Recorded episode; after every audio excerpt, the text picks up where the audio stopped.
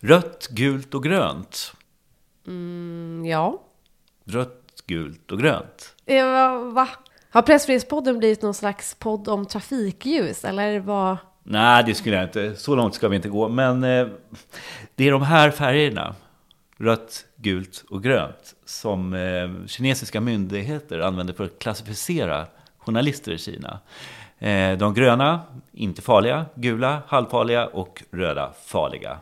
Okej. Undrar vilken typ av journalist som jag skulle anses vara i Kina om jag jobbar därifrån? Ja, det kan man ju undra. Men eh, idag ska vi i alla fall prata om pressfriheten i världens största fängelse för journalister, nämligen Kina.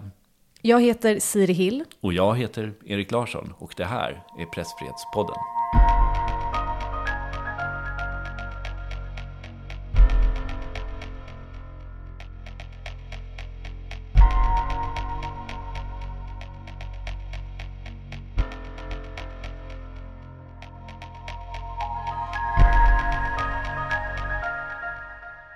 Hela världens blickar är riktade mot Kina och vinter-OS i Peking som drar igång i början av februari. Och det här är ju ett väldigt bra sätt för oss i Pressfrihetspodden att lyfta just pressfrihetssituationen i Kina som är minst sagt usel. Eller hur Erik? Ja, sen president Xi Jinping tillträdde 2013 så har det sköljt en våg av gripande av journalister över landet. Kina ligger på plats 177 av 180 länder i Reporter utan gränsers pressfrihetsindex. Och det är ju otroligt dåligt måste man ändå säga. Det är bara Turkmenistan, Nordkorea och Eritrea som är sämre. Med oss på knackig länk från Peking idag har vi SVTs Asien-korrespondent Ulrika Bergsten. Välkommen till Pressfrihetspodden Ulrika. Tack så mycket. Hur är det med OS-febern i Peking just nu? Eh, det börjar väl bli lite hetare, men det har varit ganska så svalt. Det har handlat mest om corona den sista tiden och om att om omikron har fått spridning i Peking och hur, hur den ska stoppas och deltaviruset och restriktioner och testningar. Ungefär som de sista åren har sett ut faktiskt, men det har nästan tagit fart mer nu. Okej. Okay. Du har ju jobbat länge på SVT och bland annat varit Europakorre mellan 2013 och 2017 tror jag det var. Eh, det måste ju vara en ganska stor skillnad att jobba i Peking jämfört med Europa, eller vad säger du? Ja, verkligen en jättestor skillnad. Även om eh, områdena på något vis liknar varandra i och med att Europas länder är väldigt ah, eh, skiljer sig från varandra ganska mycket så gör ju faktiskt också Kinas provinser det. De är rätt olika sinsemellan. Man kan lätt tro att Kina bara är en enda stor enhet men, men det är väldigt många olika provinser med olika typer av människor, problem, eh, natur, eh, teknologi, fabriker och olika typer av ledning. Så att lite liknar det varann. Men eh, att vara EU-korre är ju att att få tillgång och att vara Kina-korre är att försöka tolka eh, frånvaron av tillgång. Vilka är de största skillnaderna med att jobba som journalist i Kina jämfört med resten av Europa skulle du säga? Ja, men i, i Bryssel kan du alltid lyfta en telefonlur och ringa till någon Eh, du kan prata franska eller engelska eller tyska och prata med någon som kan berätta om bakgrunden till en viss fråga i EU-kommissionen. Det kanske inte är någonting du får gå ut med, men du får i alla fall en bra förklaring varför man agerar på ett visst sätt i en viss fråga. Och sen kan du prata med någon annan och få en, en, motbild och så kan du själv dra din slutsats. I Kina finns det för det första ingen att ringa och skulle det finnas någon att ringa så skulle min kinesiska vara lite för dålig för att förstå riktigt eh, analysen på hög nivå. Men det sannolika är mm. att, att jag inte skulle få tag på någon överhuvudtaget. För så ser det inte ut här. Man intervjuar inte politiker här. Man, man får egentligen bara titta på femårsplaner och fundera och prata med oftast tyvärr utländska analytiker, ibland kinesiska. Kina, Kina är ju inte direkt kända för att välkomna journalister med öppna armar, speciellt inte korrespondenter från andra länder. Eh, och det är ju svårt också att få visum till Kina, har jag förstått.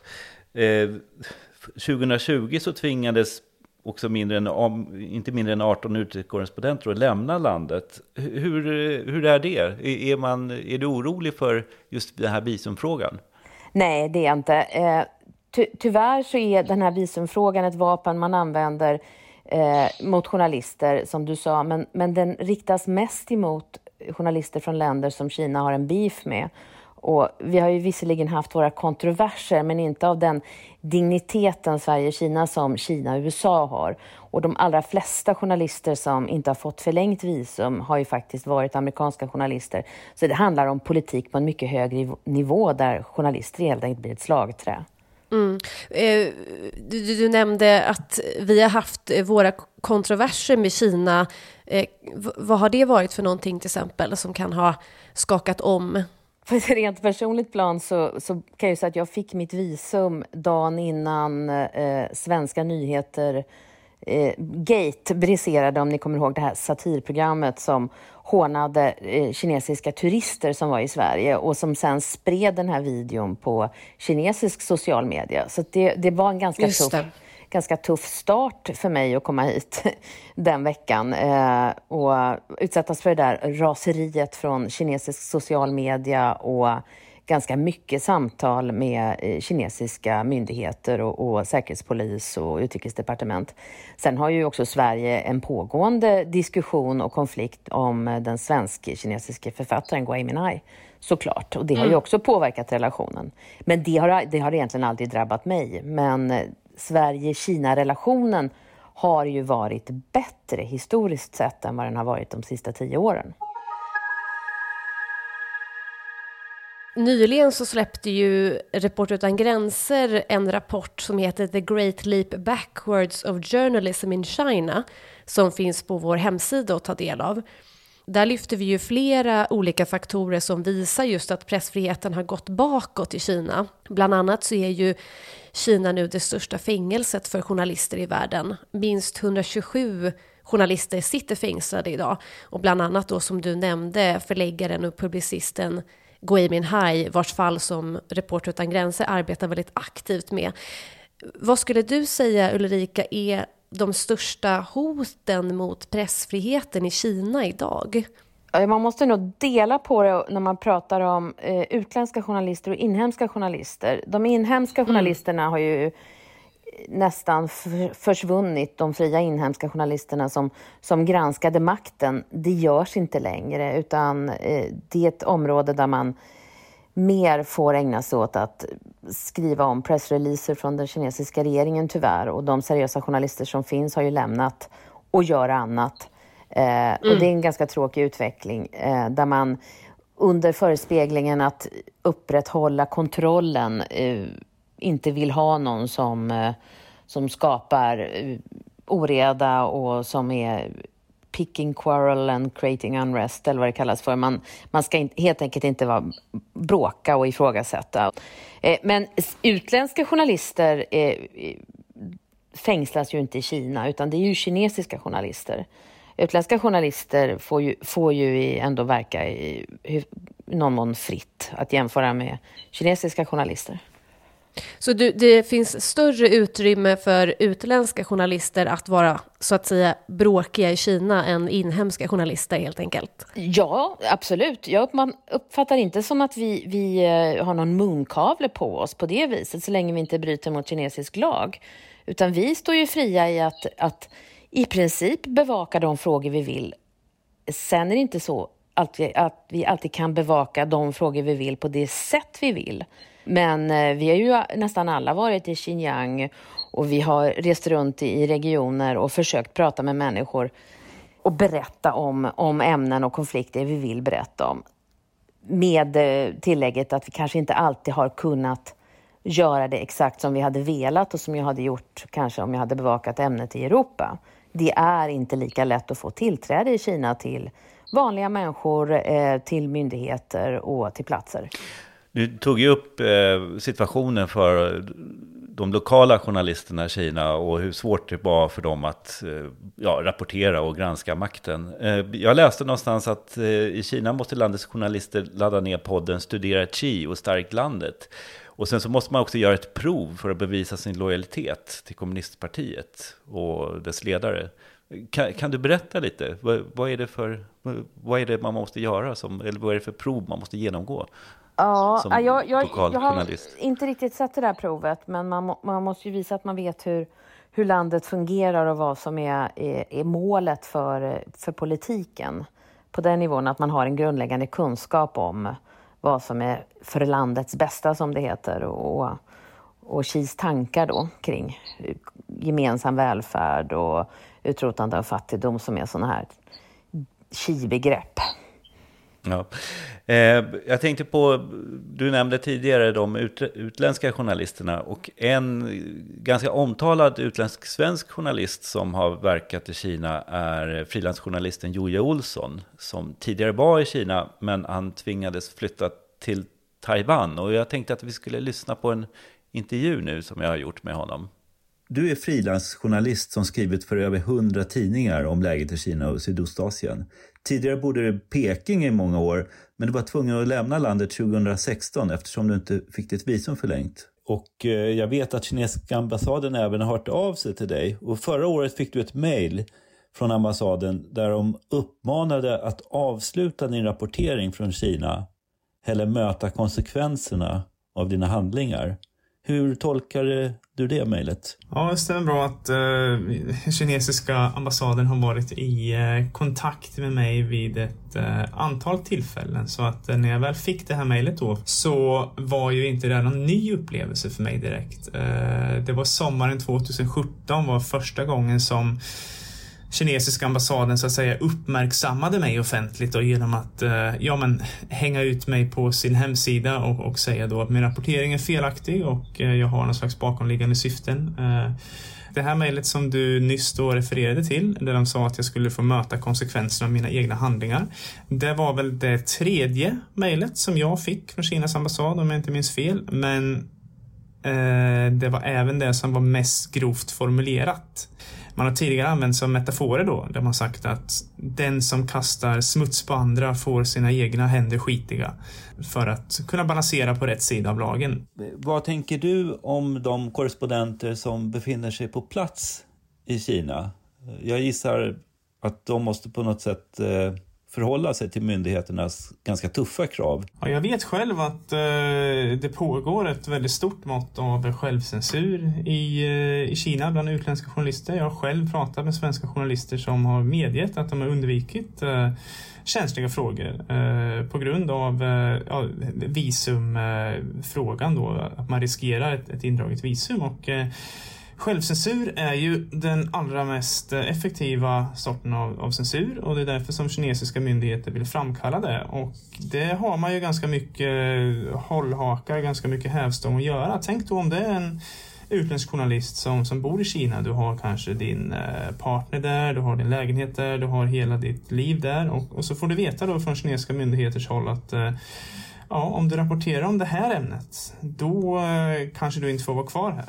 Och då är det väldigt lätt att som reporter bara undvika då de, här, de här känsliga frågorna.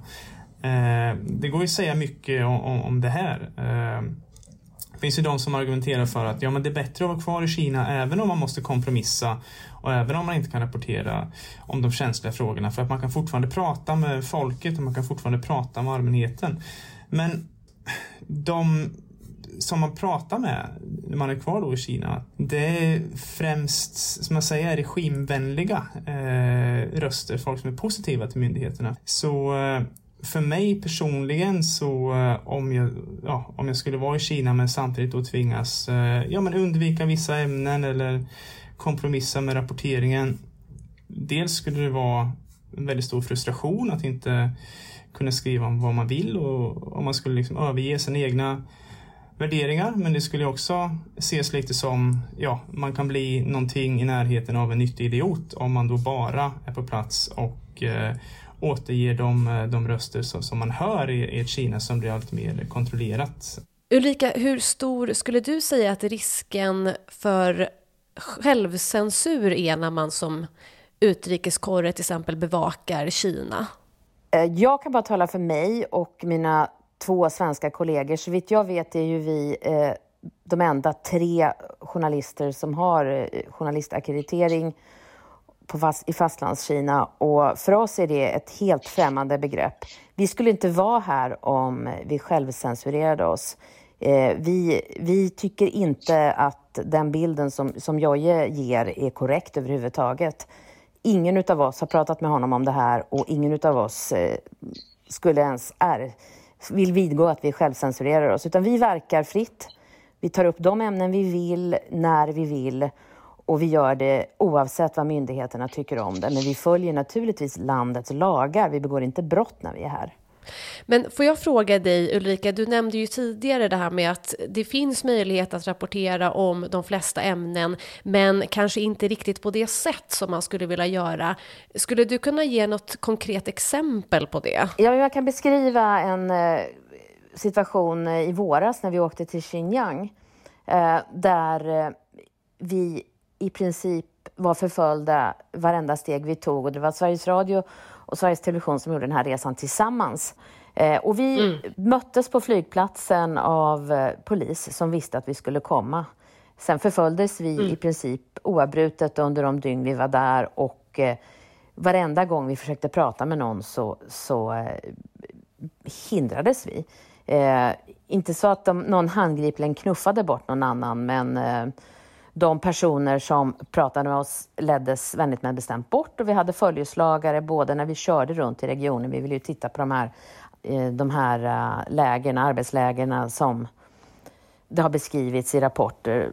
Och vi ville prata med människor som bodde och höra vad de tyckte. Men eh, överhuvudtaget så kom vi inte i närheten av någon kan vi säga. Och när vi åkte ut på bomullsfälten så ville vi ville vi skapa oss en bild av och också eftersom jag var på tv filma det vi såg på fälten eh, och använda i ett inslag så stoppades vi rent eh, fysiskt för att stanna. Bilar körde upp framför oss och, och blockerade vägen och man hävdade att det var trafikolyckor och vägen var avstängd och ja, ungefär så. Mm. Och, det, och det gav ju också en bild såklart, kanske en en eh, helt annan bild än vad, vad de som förföljde oss hade tänkt. För att eh, vi kunde ju bara rapportera om att vi blev hindrade i vårt arbete och att det kanske stärker en, en bild av att det sker någonting som man inte vill visa. Det tror jag inte var avsikten, men, men det blev ju våran, eh, våran uppfattning av det här, den här resan.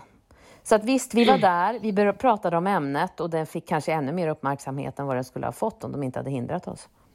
Det är ju uppenbart att myndigheterna har koll på vad utländska journalister gör eller vad journalister gör överhuvudtaget. Eh, och den kollen gäller ju som jag förstår också även hur man jobbar när man jobbar med digitala verktyg. Jag tänkte att vi skulle lyssna på återigen en intervju med Joje om hur han tänker kring eh, att använda olika digitala verktyg i sin rapportering. Har du eh, misstänkt eller någon gång upptäckt att du har blivit övervakad på nätet?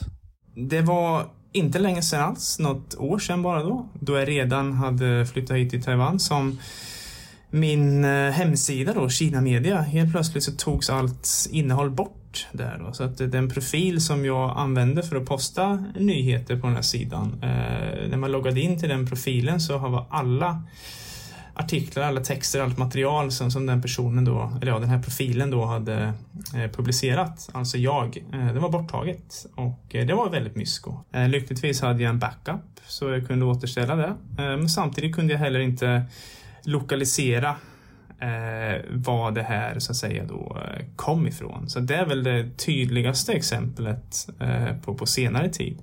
Men eh, rent generellt så visst, ibland kan man väl se att eh, några meddelanden som, som, man inte har läst är markerade som, som lästa. Men det är också en fråga om hur mycket man egentligen inbillar sig och, och vad som egentligen har, eh, har hänt. Men eh, internet här i, i, Taiwan är ju så att säga eh, säkrare och eh, mindre kontrollerat än, än, hur det var när man bodde i Kina. Då. Vilka försiktighetsåtgärder tycker du man bör vidta för att så långt som möjligt skydda sig från digital övervakning? Jag tror att det är svårt om man är en lekman, om man inte är en teknisk expert, så tror jag det är svårt att vara helt skyddad. Det känns lite som att den andra sidan alltid ligger steget före.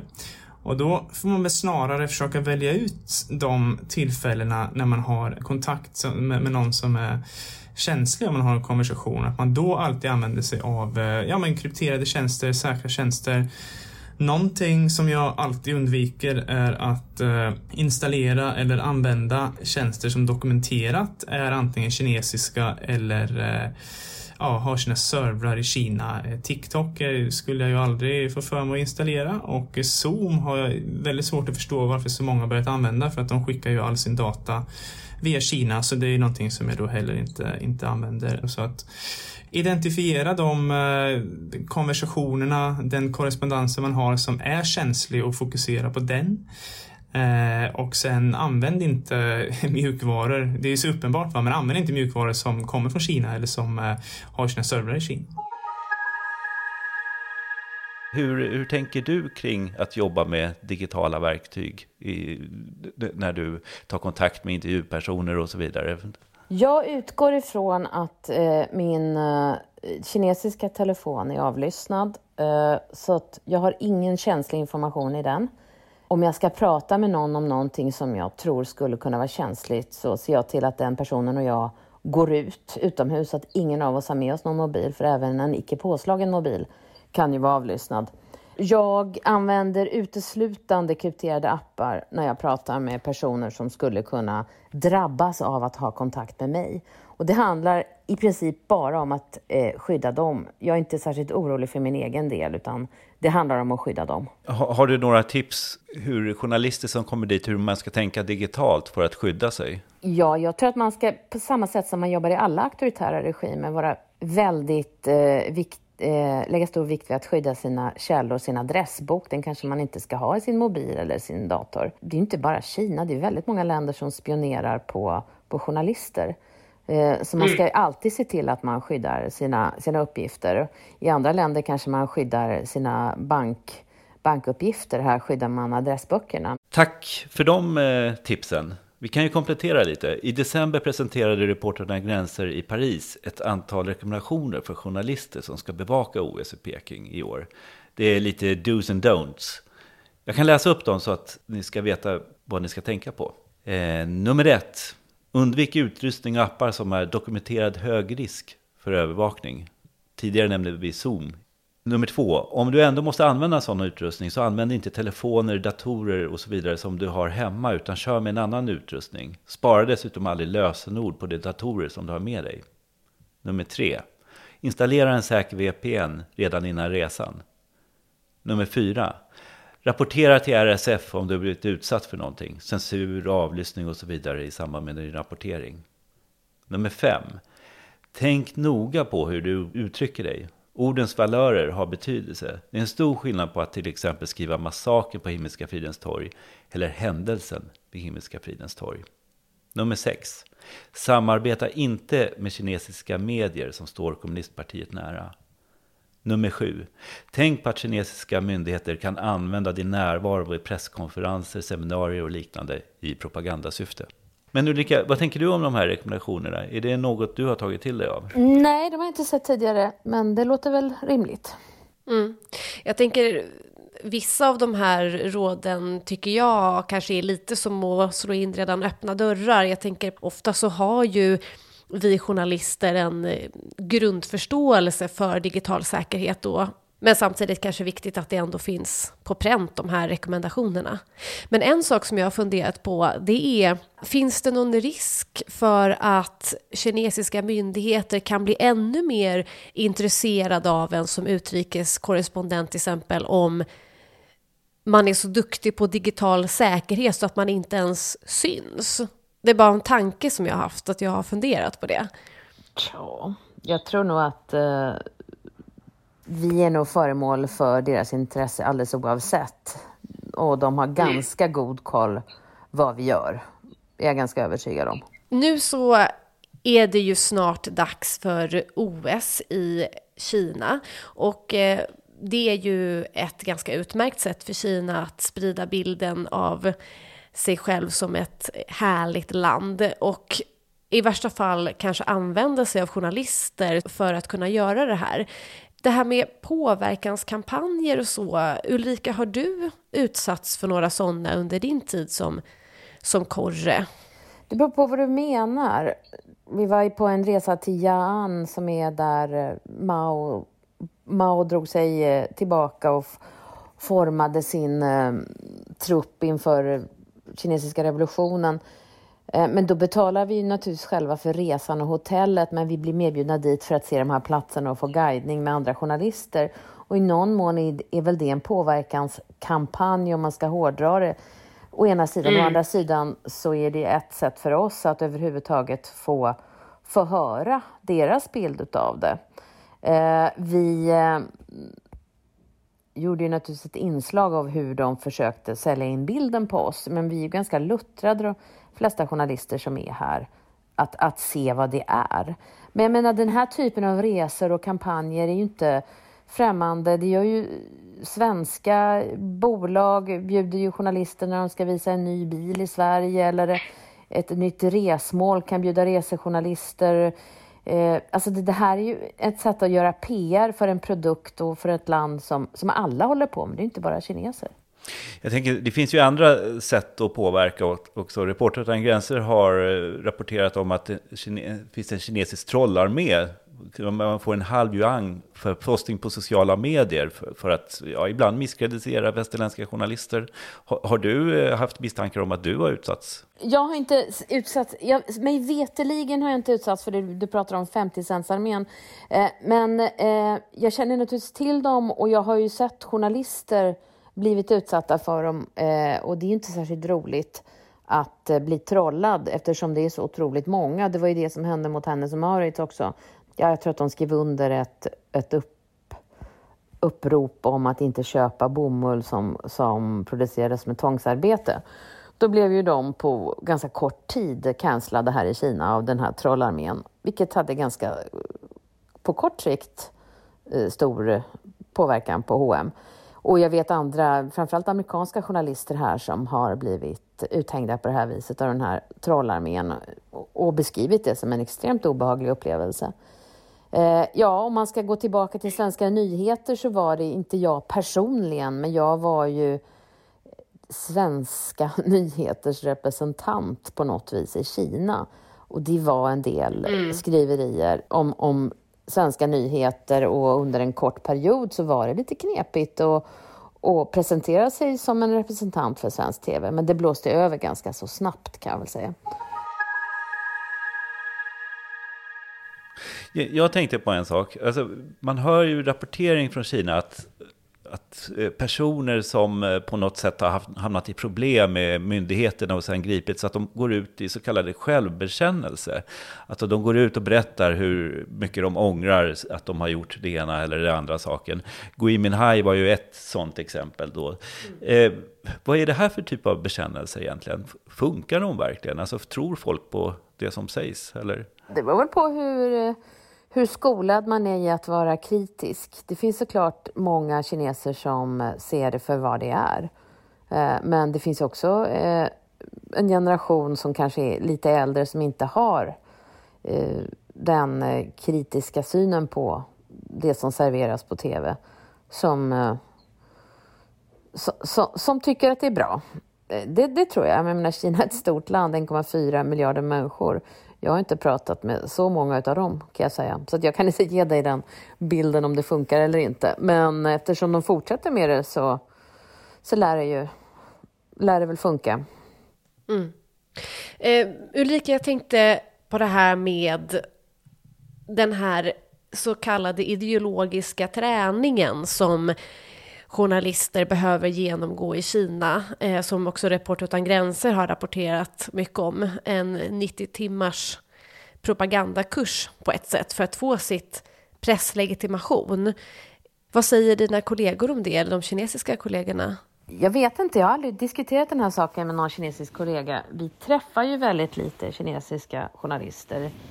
Vi hålls ju lite isär från dem om vi åker på på samma evenemang. Jag var i Jiangjakou och tittade på OS-anläggningarna där. Och då fick ju de västerländska och de kinesiska journalisterna inte äta i samma matsal.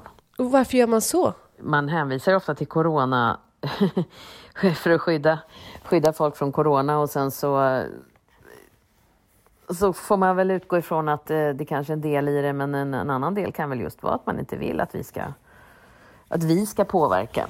Men jag vet inte varför man gör så. Jag, kan, jag har inget bra svar på det faktiskt. Men eh, nej, jag kan inte påstå att jag har pratat så mycket med kinesiska journalister om det här. Jag tänker på det som pågår nu. Eh, alltså vi, vi läser om den här OS-bubblan i Peking där eh, det finns eh, jättemånga journalister liksom in, eller coronasäkrade kan man väl säga i, i den här OS-bubblan. Alltså hur, eh, hur, hur ser situationen ut för dem? Alltså, vad, kommer du själv att ingå i den här OS-bubblan eller? Nej, jag kommer att stanna utanför. Eh, det som händer om man går in i bubblan är att, att man måste sitta tre veckor i karantän när man lämnar den och går tillbaka ut. Och, och det har jag ingen lust med. Och jag, SVT har ju inga sändningsrättigheter till det här OSet så att det finns ingen poäng för mig att vara där inne. Det är också det här som jag har förstått att man bara får röra sig genom ett visst område och också då med hänvisning till coronarestriktionerna och sådär. Men det har ju också uppstått en diskussion om det kan vara så att kinesiska myndigheter också använder sig av de här coronarestriktionerna som du var inne på Ulrika för att just begränsa journalisters möjligheter att göra sitt jobb helt enkelt. Ja, när det gäller OS så tror jag inte att det, det handlar om att begränsa journalisters möjligheter att göra sitt jobb, utan det tror jag faktiskt att det handlar om just corona. För att de, Kina har ju nollvision och eh, för att komma in i Kina, som, även om man är vaccinerad och visar negativa coronatest, så måste man sitta tre veckor i karantän.